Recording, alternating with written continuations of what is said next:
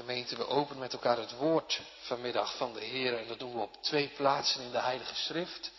Allereerst in Jeremia 9, Jeremia 9, de versen 1 tot en met 9.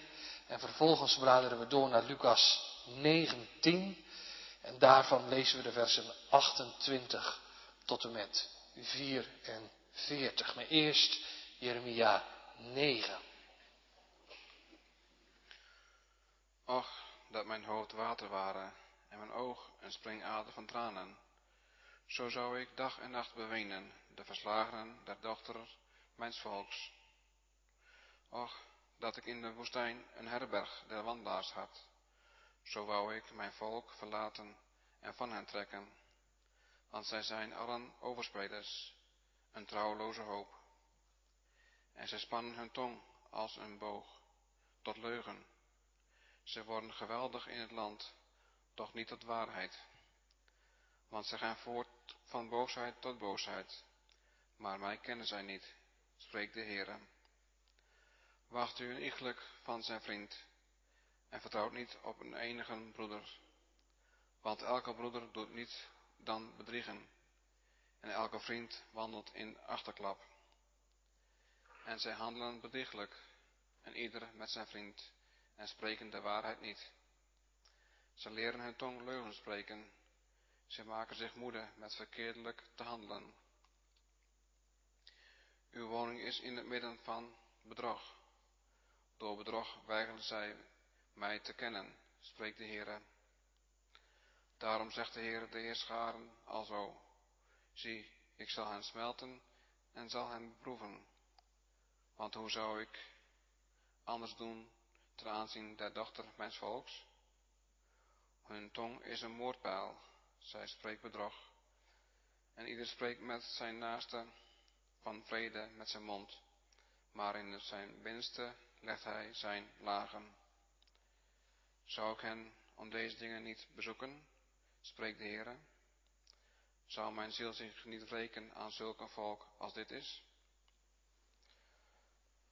Vervolgens Lucas 19 vanaf vers 28.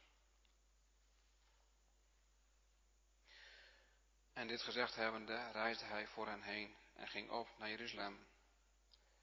En het geschiedde als hij nabij Bethfage en Betanië gekomen was, aan de berg genaamd de Olijfberg, dat hij twee van zijn discipelen uitzond, zeggende, gaat heen in dat vlek dat tegenover is, in het welk inkomende zult gij een veulen gebonden vinden, waarop geen mens ooit heeft gezeten. Ontbindt hetzelfde en brengt het. En indien iemand u vraagt, waarom ontbindt gij dat? Zo zult gij alzo tot hem zeggen, omdat de Heer het vernoden heeft. En die uitgezonden waren, heen gegaan zijnde, vonden het gelijk hij hun gezegd had. En als zij het veulen ontbonden, zeiden de heren van hetzelfde tot hen, waarom ontbindt gij het veulen? En ze zeiden, de Heere heeft het van noden. En zij brachten hetzelfde tot Jezus. En hun klederen op het veulen geworpen hebbende, zetten zij Jezus daarop.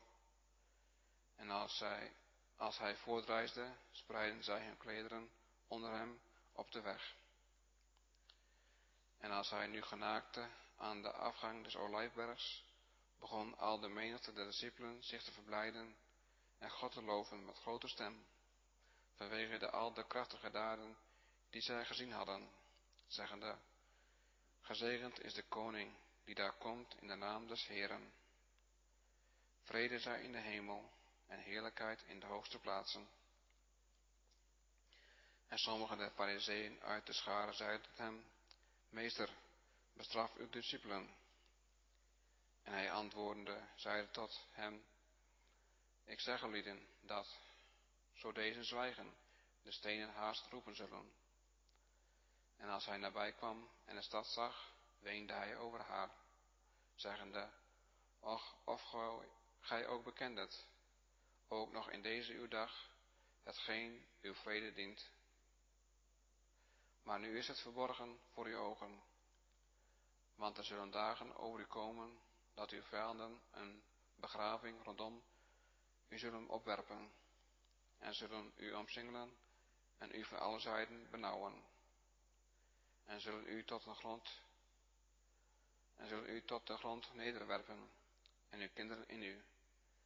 En zij zullen in u de steen, de ene steen op de andere steen niet laten. Daarom dat gij de tijd uw bezoeking niet bekend hebt.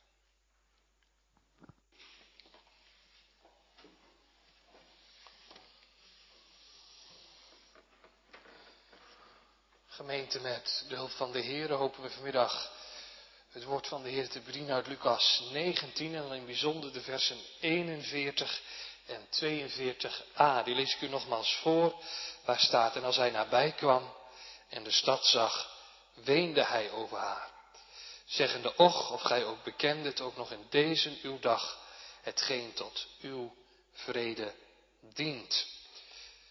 Vers 41 en 42a als kerntekst voor de prediking van het woord. En daarvoor hebben we vanmiddag drie gedachten. Allereerst, Jezus ziet. In vers 41 staat, hij kwam nabij en hij zag. Dat is de eerste gedachte. De tweede gedachte is, Jezus weent. En de derde gedachte, Jezus spreekt. Dus drie gedachten. Allereerst, Jezus ziet. Vervolgens, Jezus weent. En ten derde, Jezus spreekt. Jongens en meiden, ben je wel eens ergens heen gegaan en dat je bij jezelf dacht, en nu, nu gaat het gebeuren. een, een pestkop of zo op het schoolplein, die, die heeft je gepest. En, en wat doe je? je? Je rent naar huis en je, je, je komt de deur in en je rent direct naar boven, naar, naar de kamer van je grote broer. En je zegt, hé hey, jij, wil jij even meekomen om die pestkop een lesje te komen leren? Nou ja, en zo al lopend samen met je broer richting dat schoolplein, dan denk je bij jezelf, nu, nu gaat het gebeuren. Die pestkop, die krijgt zijn verdiende loon. Of een ander voorbeeld, ik, ik dacht aan die rechtszaak die rechtszaak die de laatste tijd heel veel in het nieuws is geweest rondom Nicky Verstappen, dat jongetje. Nou, ik kan me heel goed voorstellen dat die ouders op de dag van de uitspraak bij zichzelf hebben gedacht. Ze stonden op en ze dachten, nu gaat het gebeuren. Nu gaat die dader, die krijgt zijn verdiende loon. Nu gaat het gebeuren. Nou, een beetje met, met die gedachten in het achterhoofd gaan de discipelen van de Heer Jezus Christus en de volgelingen van de Heer Jezus Christus ook richting Jeruzalem. Dat kun je vinden in hoofdstuk 19, vers 11. Dat hebben we niet gelezen, maar ik lees het u voor. En daar staat, als zij dan dat hoorden, voegde hij, dat is de Heer Jezus, daarbij een gelijkenis en zeide, omdat hij bij Jeruzalem was, staat er. Omdat hij nabij Jeruzalem was. En omdat zij meenden dat het koninkrijk van God terstond zou openbaar worden. Lucas 19, vers 11. Ze dachten, die de volgelingen van de Heer Jezus, het koninkrijk van God, het komt terstond, het wordt onmiddellijk zichtbaar. Ze dachten, nu gaat het gebeuren. We zijn vertrokken, dachten ze, uit Galilea. En, en daar hebben we onze meester, de Heer Jezus, we hebben hem wonderen en tekenen zien doen. En dat zie je dan zo voor je, hè, dat, dat, een van die discipelen tegen Jacobus zegt, hé Jacobus, weet je het nog? Die wonderbare visvangst bij het meer van Genezeret. In Lucas 5. En dat weer iemand anders zegt, hé hey Petrus, Petrus weet je het nog? Toen de Heer Jezus tot tweemaal toe op de Sabbat iemand heeft genezen. In onze geboortestreek Galilea, weet je het nog? En nu, nu komen ze steeds dichter bij hun eindbestemming. Bij Jeruzalem. De stad waar, waar, koning David eens regeerde, waar de Davids troon staat en waar de Davids zoon, hun meester, zou gaan regeren. En ze dachten bij zichzelf, nou, we komen steeds dichterbij. Dan zal die vast met, met een krachtige arm, zal die te werk gaan hè, als we Jeruzalem binnenrijden. En zal die de Romeinen zal die verdrijven. Dan gaat hij de tempeldienst aan God gaat hij reformeren. De mensen weer bij Gods wegen bepalen. En die discipelen, ja, die, die zien het al voor zich. We zitten dicht bij het vuur, denken ze. Wij krijgen straks die, die, goede baantjes, die, die, die ministerpositie straks. En hoe meer ze naar Jeruzalem komen, hoe meer ze denken, en nu gaat het gebeuren. Nou, met dit in je achterhoofd, hè? Kun je het je voorstellen? Kun je je de euforie voorstellen daar op die olijfberg? De blijdschap voorstellen, want dat vind je in de versen 36 tot en met 38. Daar op die olijfberg, dichter dan dat zijn ze nog niet in Jeruzalem geweest, proef je niks anders dan diepe vreugde. Als je het bedenkt, nu gaat het gebeuren. Nou, dan begrijp je hè, waarom die discipelen die kleden voor de Heer Jezus, voor hun koning neerwerpen, zodat hij zo Jeruzalem binnen kan rijden.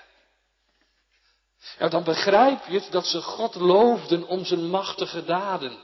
Hè, vers 36 tot en met 38. Dan begrijp je waarom ze het zingen. Gezegend zij de grote koning die tot ons komt in Serena.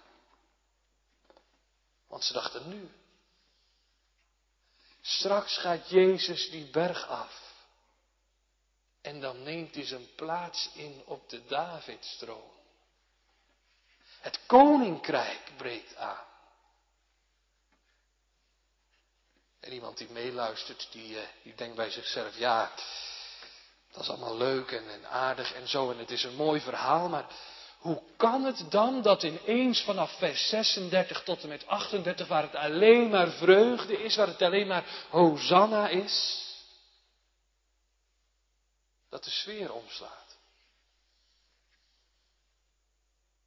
Dat het ineens verdriet wordt in plaats van vreugde. En dat is precies dit. De blijdschap de euforie wordt door de koning die daar zit op die ezel. die man die wordt toegezongen in een ander evangelie, kom je dat tegen. Hosanna, Hosanna. Hij doorbreekt de vreugde. Hij zet een punt. Ineens. Misschien heeft u dat ook wel eens meegemaakt. Ik wel, dat je in een situatie zit van vreugde en dat dan ineens compleet om kan slaan. Op een verjaardag bijvoorbeeld. En de sfeer is goed en, en, en iemand die, die, die zegt iets en van het een op het andere moment de sfeer slaat om. Het gaat de andere kant op. En ik dacht ook nog aan een andere rechtszaak, hè, die is ook veel in het nieuws geweest, rondom de avondklok. Nou, wat zag je? Die uitspraak die was er en, en er was een vreugde, een enorme vreugde bij die tegenstanders van de avondklok, want hij was verboden. Maar de euforie werd dysforie. Dat wil zeggen, de vreugde werd teleurstelling. Het ging allemaal niet door. Dat is wat hier gebeurt. En iemand die vraagt zich zo hardop af en die zegt maar, wat is er dan precies aan de hand? Wat is de reden ervoor dat van het een op het andere moment die sfeer compleet omslaat? Nou, het antwoord op die vraag, dat vind je in het eerste gedeelte van vers 41. Lees er maar mee. Hij kwam nabij en hij zag de stad. Als je de uitleggers moet geloven, daar zit er in die olijfberg zit een bepaalde bocht, een bepaalde draai. En als je daar omheen komt, dan heb je een compleet uitzicht over de stad Jeruzalem. Ik hield deze preek elders. Toen zeiden ze achteraf in de consistorie, dat klopt, want daar hebben wij als kerkeraad gestaan een aantal jaar geleden. Dus als je die bocht omkomt, een compleet uitzicht over de stad Jeruzalem. Nou jongens en meiden, dat ken je misschien wel. Hè? Als je eens met je ouders op vakantie bent geweest, misschien in, in de bergen of zo, dat je, je bent aan het rijden en je vader die rijdt de bocht om en ineens het meest prachtige uitzicht over het dorpje dat in het dal ligt. Dat is wat hier gebeurt. De Heer Jezus die komt als het ware de hoek om en hij ziet de stad.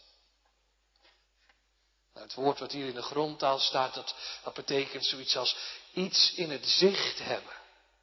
En je ogen erop fixeren, erop aanschouwen. Hij kwam nabij en hij zag de stad. En wat ziet de Heer dan? En wat je zou kunnen denken, nou dat is toch een prachtig uitzicht daar over die olijfberg. Prachtig Jeruzalem, daar zo beneden met zijn koepels, met zijn stenen.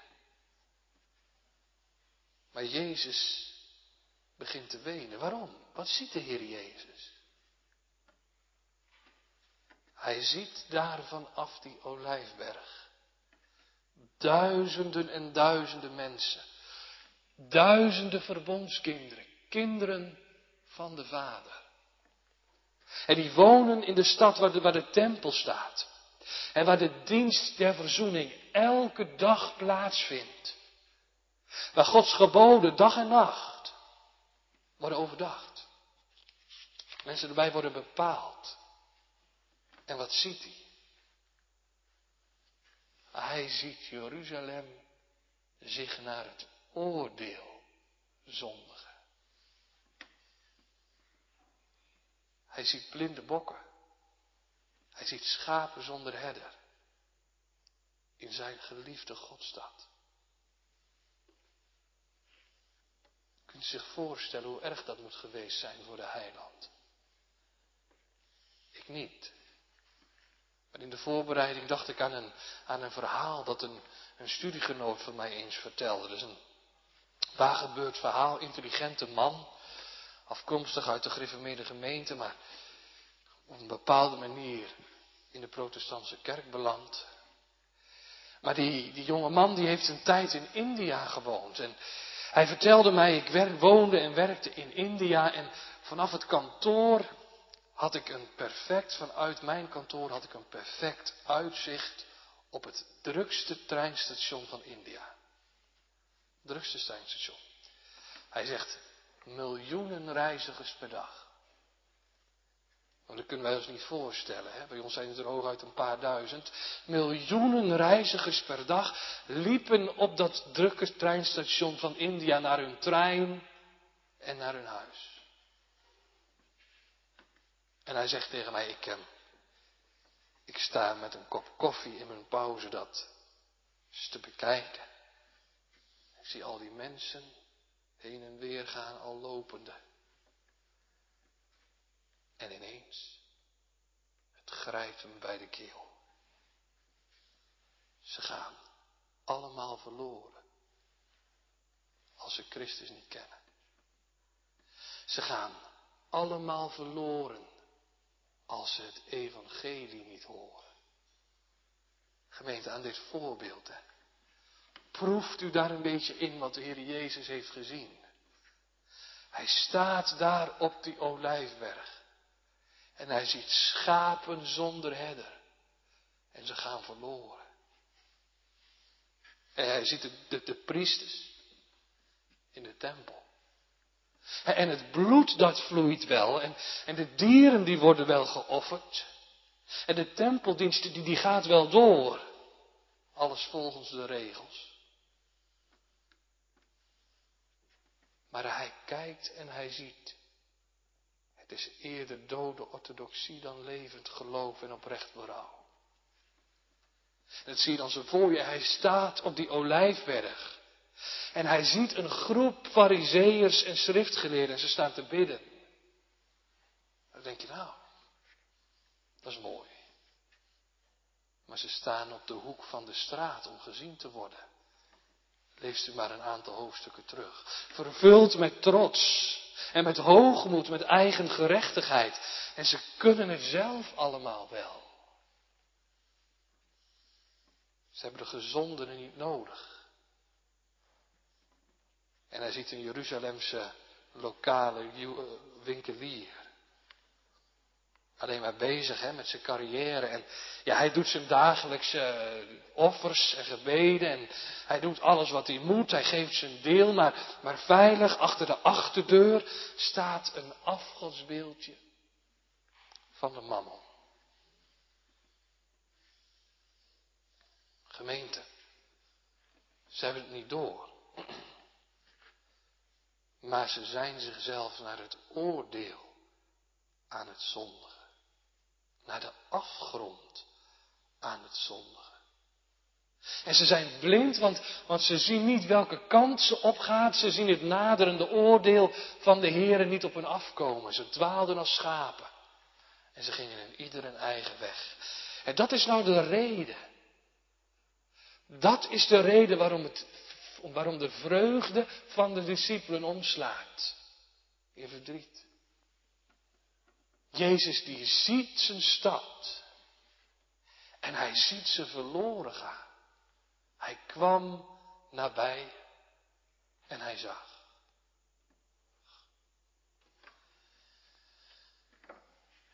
En nu voor u. Want Driesem is geen Jeruzalem. Hij kwam nabij, hij komt nabij. En hij ziet. Wees eens oprecht vanmiddag. Wat ziet de Heer als hij naar jou kijkt? En ziet hij dan een verbondskind die, die zich naar het oordeel aan het zondigen is, met een gedoopt voorhoofd, bewust de verkeerde kant op loopt? Of ziet hij een hart vol geloof? Moet je eens antwoord op geven voor jezelf. Wat ziet hij? En dat geldt ook voor jullie jongens en meiden hoor.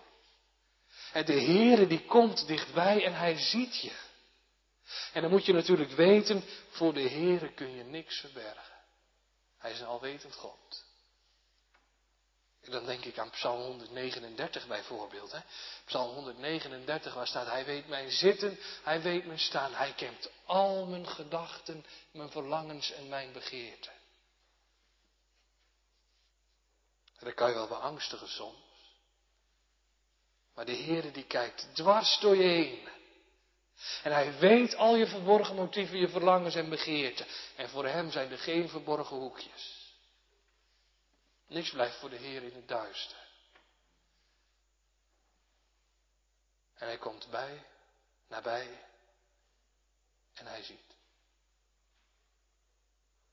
Wat ziet hij?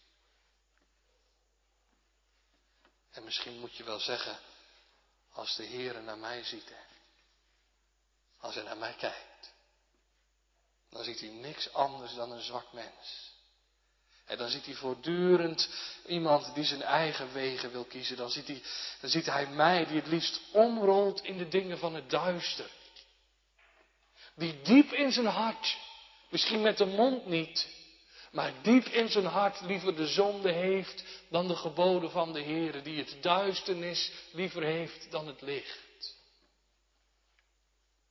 Gemeente, als je dat nou moet zeggen, als je moet zeggen, ja Heer, ik ben een zondaar voor u. En dan mag ik u vanmiddag ook verkondigen. Kijk eens naar die man op die olijfberg. Kijk eens naar die man, die wenende man op die olijfberg. En want hij gaat straks die olijfberg af, om de berg van Gods toorn op te klimmen. En hij komt straks Jeruzalem binnen. En niet als de grote koning, om zijn plek in te gaan nemen op de troon. Hij komt Jeruzalem in om aan de andere kant uit te gaan en zijn plaats in te nemen aan het kruishout. Gemeente, hij komt straks met Pasen van die berg af. Om zich te laten slachten. Om zich te laten slachten als een onbevlekkelijk en stemmeloos lam. Voor die blinde schapen daar in die stad. Voor zondaar uit Driesem. Gemeente, ziet u vanmiddag. Voor het eerst of opnieuw. Op die man die straks die olijfberg afkomt lopen. Op die koning, op die ezel.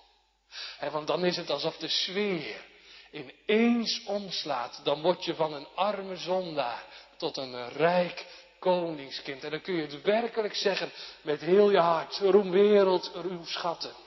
Gij kunt niet bevatten hoe rijk dat ik ben. Ik heb alles verloren, maar ik heb Christus verkoren. Wiens rijkdom ik ken. Jezus ziet.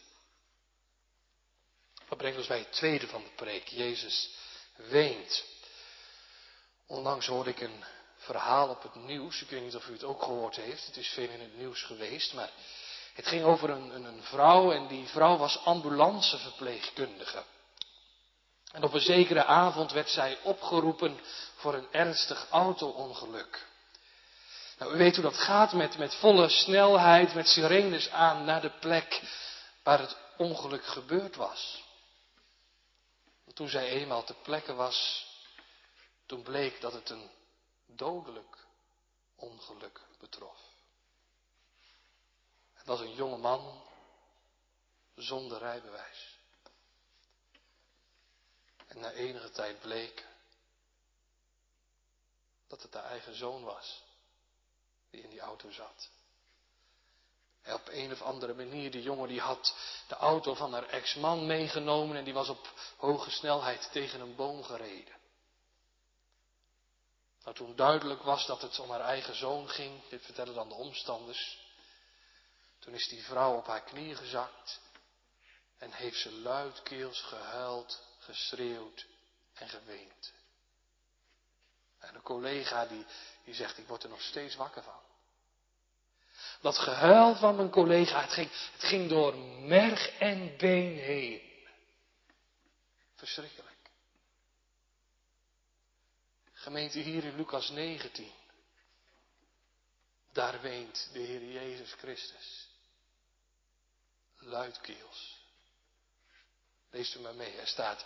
En als hij nabij kwam en de stad zag, weende hij over haar. En in de grondtaal staat hier een woord, dat betekent een luide uitdrukking van gevoel. Een luide uitdrukking van pijn en verdriet. Hij schreeuwde het uit. Het woord wordt ook gebruikt in het Grieks, in de Griekse wereld, om het huilen van de wolven mee te beschrijven. Maar dan voelt u het wel, hè? De pijn, het verdriet, de droefheid in het hart van de Heer Jezus Christus. Het gaat door, door merg en been heen. Hij weende over haar, staat er.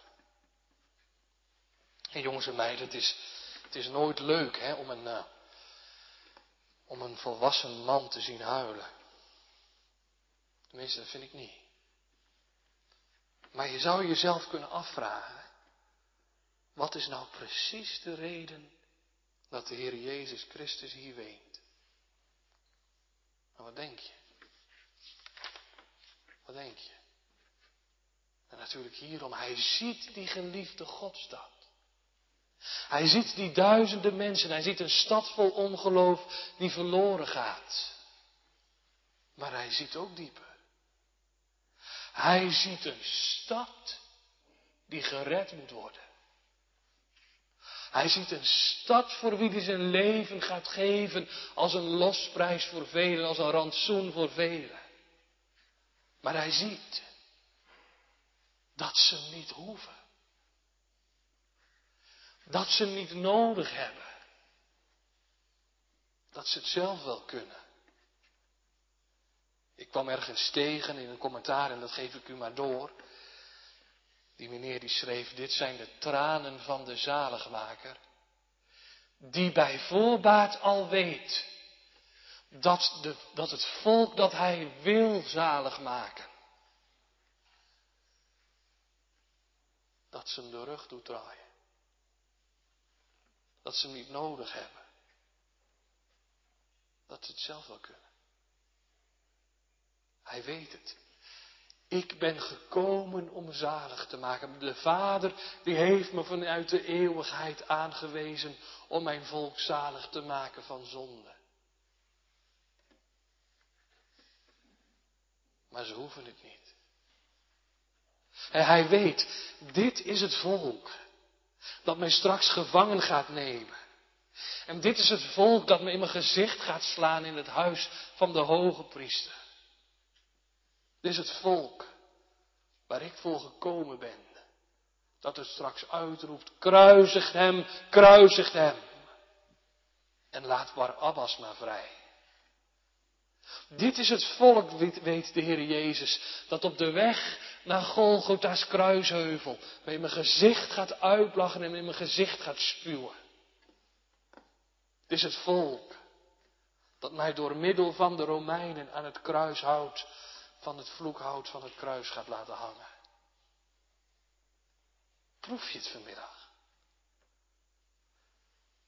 Die man op die olijfberg. Hij gaat zich overgeven. Hij gaat zich in het oordeel storten. Maar het volk verhardt zich in ongeloof. Hij komt om zalig te maken wat verloren was. Maar ze vinden hem niet verloren. Ze vinden zichzelf niet verloren. Ze verwerpen hem, ze hoeven hem niet. De ouders onder ons die zullen dat vast herkennen. Onze dochter is nog jong, maar als je oudere kinderen hebt helemaal. dat je met je eigen ogen ziet dat je zoon of je dochter dat ze verkeerde keuzes maken. Hè? En de verkeerde keuzes, keuzes om, om vrienden of, of school of werk of dat ze verkeerde relaties aangaan. Dat je in de kern proeft, mijn, mijn zoon of mijn dochter, ze gaan niet in de weg van het woord. Niet in de weg van de Heer. En dan kun je zeggen wat je wil. Maar niks helpt. Niks. Dan blijven er tranen over. Want je wilt ze helpen. Maar je ziet het gaat de verkeerde kant op. Ze hebben u niet nodig. Ze hebben uw advies niet nodig. Zo is het ook voor Jeruzalem. Ze hebben die zaligmaker niet van nodig. En ik vraag het u zo op de man en op de vrouw af vanmiddag. Ik kan beter zeggen de Heere hij vraagt het op de man en op de vrouw. En op het jongetje en op het meisje af. En hij vraagt, heb je me nou nodig? Heb je me nou nodig? Jongen thuis op de bank, heb je de Heer Jezus nou nodig? Meisje achter in de kerk, heeft u die wenende Heer Jezus nodig? En dat je het zegt in je hart, geef me Jezus of ik sterf. Want buiten Hem is een eeuwig zielsverderf en gemeente. In Lucas 19 kun je het zien, er is met geen pen te beschrijven. Er is met geen tong uit te spreken hoe heerlijk de Heer Jezus Christus is. Hoeveel liefde Hij heeft. En hoeveel tederheid er in Hem is Hoeveel geduld hij heeft, ook met zondaren en zondaressen uit Riesen. En want juist in de tranen, juist in de tranen en het gehuil van de Heer Jezus, daar zie je het. Liefde. Liefde voor zondaren. Ziet u het in zijn tranen? Ik heb u voor de hel en de dood niet over. Ik heb u voor het eeuwige oordeel niet over. Ik heb u voor de toorn van mijn vader niet over. Gemeente, hij verkondigt het u vanmiddag.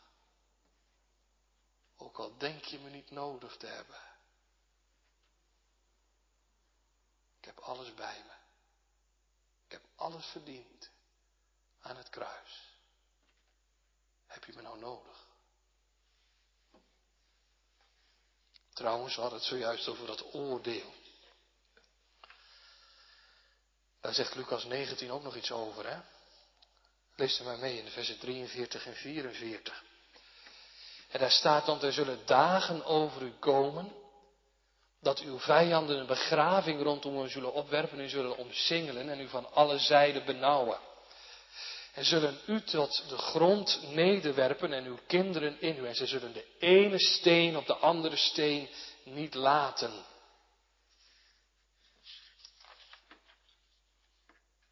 Dat is wat Jeruzalem te wachten staat. Dat is het oordeel van de Heer over zijn volk vanwege hun ongeloof. En vanwege het verwerpen van zijn gezalfde, vanwege het naast zich neerleggen van het evangelie. Jeruzalem. Het wordt omsingeld. En er zal geen steen meer op de andere steen blijven. Alles kapot, alles plat, alles weg. Er staat, en zij zullen u tot de grond toe neerwerpen. En uw kinderen in u. En in deze verse wordt als het ware een, een foto voorgehouden. Een foto. En je weet wel, jongens en meiden thuis, dat je een foto maakt voor op Facebook of zo en dat je zegt van hier, kijk eens hoe die eruit ziet. Nou, de Heere laat in Lucas 19, vers 43 en 44 ons een foto zien. En hij zegt, dit is het oordeel over Jeruzalem.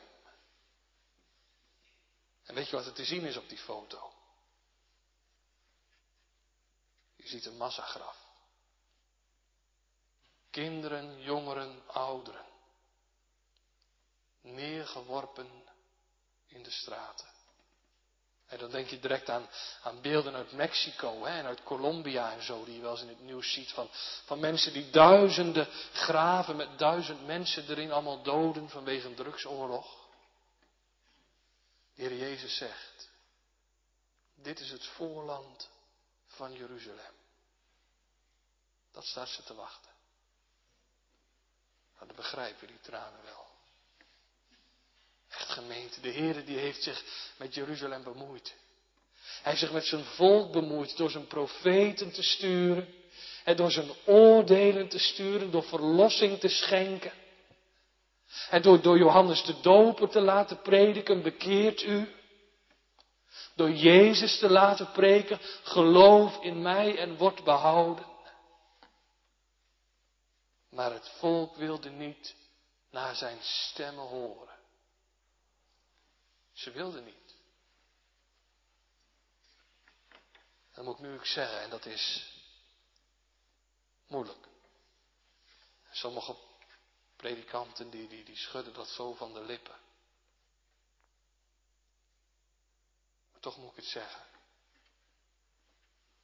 God is en hij blijft een oordelend God. Dat laat de Bijbel zien. Gods belofte. Ze blijven tot in de eeuwigheid waar. Alles wat hij ooit beloofd heeft, zal bestaan, zingen we. Maar ook zijn oordeel blijft bestaan. En dat wil zeggen, God die maakt zijn woorden waar. Wat hij zegt, dat doet hij ook. En dat blijkt ook uit de geschiedenis trouwens, want als je deze woorden uit Lucas 19, vers, 42, vers 43 en 44 is naast de val van Jeruzalem legt in 70 na Christus. Zoek het maar eens op, op internet. 70 na Christus Jeruzalem. Jeruzalem wordt omsingeld. En er blijft geen steen meer op de andere steen. Komt dood en verderf in de straten. De Heer die blijft trouw aan zijn woord. Maar wel van twee kanten. Dat geldt ook voor u, hè? Wanneer je eigenlijk net als Jeruzalem zegt. Ik heb Christus niet nodig. Ik kan prima zonder hem. Ik kan het buiten hem wel af. of dit nu op een vrome manier is of op een wereldse manier. Het maakt niet uit of je nou buiten Christus bent. Hè? Als je buiten Christus leeft, buiten het geloof in Hem, dan ligt dat oordeel er nog. En dan staat het nog uit.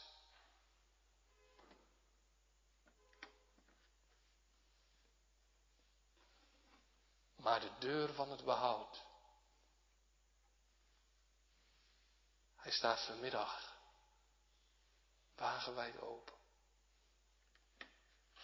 En de Heer die roept het. Ik ben de deur.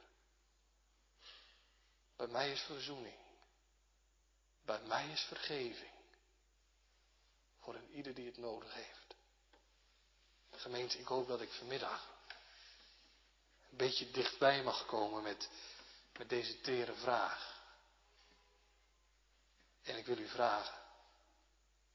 De heiland, hè? Hij hoeft toch niet over u te wenen? Nee toch? Jezus weent. Dat brengt ons bij de laatste van de preek. Jezus spreekt.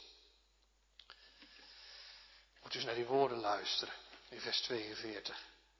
En dan zegt de Heer Jezus, is als het ware als een soort zucht achter zijn huilen aan, als een soort uitroep achter zijn wenen aan. En hij zegt, och of u vandaag nog bekende, ook nog in deze uw dag, hetgeen tot je vrede dient. Het komt eruit als een, als een zucht achteruit. Een beetje zoals een weduwe die ik onlangs sprak en die zei, ach, als ik je eens kon vertellen hoe erg ik mijn man mis. De Heer Jezus die zucht het als het ware uit en hij zegt, Och Jeruzalem, of je ook nog in deze uw dag bekent, wat tot je vrede dient. En in de grondtaal staat hier een woord dat betekent begrijpen, inzien, verstaan. Hij roept het u toe vandaag in Driesem. Och, of u vandaag nog inziet wat tot je vrede dient. En misschien heeft u zich al jaren verhard. Dat kan. En heeft u de deur van het evangelie, de deur van de kerk, heeft u dichtgehouden. Excuus op excuus gestapeld. En gezegd van, nou ja, eerst. Eerst moet ik meer, meer getrokken worden door het woord. En eerst moet ik meer mijn zonden in gaan zien. En, en als dat gebeurt, dan, dan moet ik eerst nog meer in mijn binnenkamer bezig.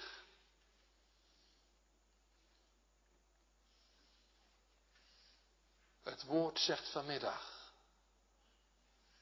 of gij ook nog niet vandaag bekend wat tot je vrede dient. En aan de andere kant, hè, dat kan ook. Misschien, misschien leef je al jarenlang aan het evangelie voorbij. En kom je dan wel in de kerk en, en je luistert misschien wel mee met je ouders bijvoorbeeld, maar, maar je bent eigenlijk alleen maar bezig met je carrière of met het bouwen van een nieuw huis en, en het aanschaffen van een auto en, en je denkt heel diep van binnen. Nu nog niet. Nog even niet voor mij. Dan zegt het woord van de Heere vanmiddag. Nog deze uw dag bekennen, wat tot je vrede dient. Want buiten Christus is er een eeuwig ontkomen. Moet je op die woorden letten trouwens. Ik heb hem al een paar keer heb ik het al aangehaald. In het midden van het vers. Ook nog in deze uw dag. En dat is wat onpraktisch Nederlands, zouden wij haast zeggen, maar dat betekent zoveel als nu. Nu, nu, nu. Zie toch door de prediking van het woord, zegt de Heer Jezus. De Heer Jezus die zegt door de prediking van het woord, nu. Nu inzien wat tot je vrede dient. Weet u, wij zijn geestelijk gezien, zijn wij uitstellers, dat ben ik ook. Het gaat geen predikant en het gaat geen ouderling voorbij. En dan denken we, ach ja, Bijbel lezen kan maar even wachten. En bidden, eventjes snel aan het einde van de dag, kort. En, en kerkgang, nou ja, één keer en, en het liefst niet zo snel, niet zo lang. Maar in het normale leven ligt dat anders. Daar geldt het zo vaak. Nu, nu, nu. Mam, mijn smartphone is stuk. Ik moet een nieuwe. Ik moet nu eerst dit voor mijn werk. Ik moet nu eerst dat. Vanmiddag zegt de Heer. Eerst bedenken wat tot je eeuwige vrede dient. En iemand in de kerk, die, eh, die zegt, maar hoe kom ik daar dan aan? Aan die vrede. En dan mag ik het nog een keer zeggen. Kijk. Vanaf die olijfberg. Daar komt je vrede aanrijden. Daar komt de zoon des mensen Jeruzalem binnenrijden. Om het oordeel van God dat voor u bestemd was. Om het om te ruilen. Om het om te ruilen. Ik voor u. Daar u anders de eeuwige dood zou moeten sterven.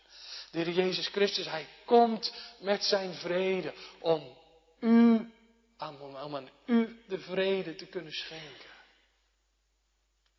Gemeente, ziet u hem van die olijfberg afkomen. En hij zegt het. Och, of je vandaag nog bekent hetgeen tot je vrede dient. Echt gemeente. Als je in geloof op dat volbrachte kruiswerk van de Heer Jezus Christus mag rusten. En dan is er die vrede. Dan is er een vrede die alle verstand te boven gaat. En een vrede die is zo diep. Die is zo onpeilbaar diep, die vrede. Die kun je met geen pen beschrijven. Want dan is er vrede tussen jou en de Vader. Alles wat er tussen je instond en tussen de Vader instond. Het is weg. Er is vrede tussen je ziel en de Vader. En dan ligt er een eeuwigheid voor je. Van een nooit meer eindigende heerlijkheid. Alles goed. Alles helder. Alles recht. En weet u wat het wonder van de kerkgang is? Hij biedt het u aan. Hij biedt het u aan. Door de prediking heen. Hij zegt hier. Hier heb je het. Hij spreekt. En hij zegt, ik heb het voor je. Gemeente zo'n heiland. Die laat je toch niet over je wenen. Een heiland die het zegt, geef mij je zonden en je schuld. Geef mij het oordeel. Dan heb jij je vrede. Gemeente, we gaan zo richting Pasen. Hij komt de olijfberg af. Om te ruilen. En als je dat kent. En dan zing je het met heel je hart. De Heer. Hij is mij tot hulp en sterkte. Hij was het die mijn heil bewerkte. Amen.